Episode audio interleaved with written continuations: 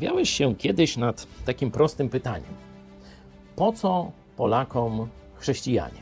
Oczywiście nie mówię tu o rzymskim katolicyzmie, o biskupach, klerze, tych zabobonach, sakramentach i odwracaniu mm, uwagi od Chrystusa, który jest centrum chrześcijaństwa.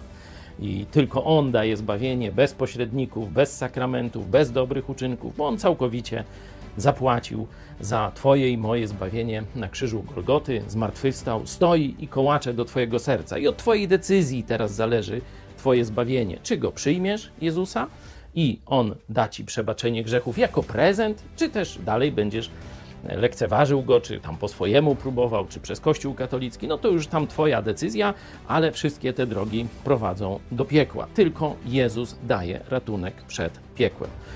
To jest przesłanie chrześcijan. I teraz pytanie, po co ono jest Polakom?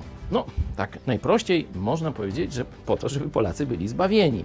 Rzeczywiście jest to prawda. Jeśli otworzysz sobie list do Rzymian, to tam znajdziesz pokazanie, że była to tajemnica zakryta do czasu przyjścia Chrystusa, a teraz jest głoszona całemu światu, wszystkim narodom. Ale zarówno w pierwszym rozdziale, zobacz sobie werset piąty, jak i w ostatnim, szesnastym rozdziale, e, werset 26, czyli przedostatni, pojawia się taka ciekawa fraza: posłuszeństwo wiary.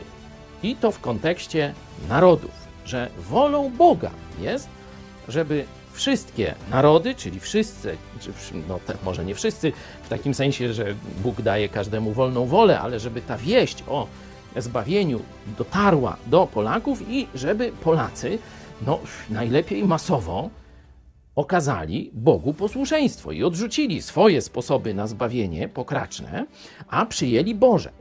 Jeśli to jest wola Boga dla narodu, to znaczy, że realizacja lub nierealizacja tej woli będzie decydowała o błogosławieństwie, o szczęściu narodu. Po to chrześcijanie są Polakom.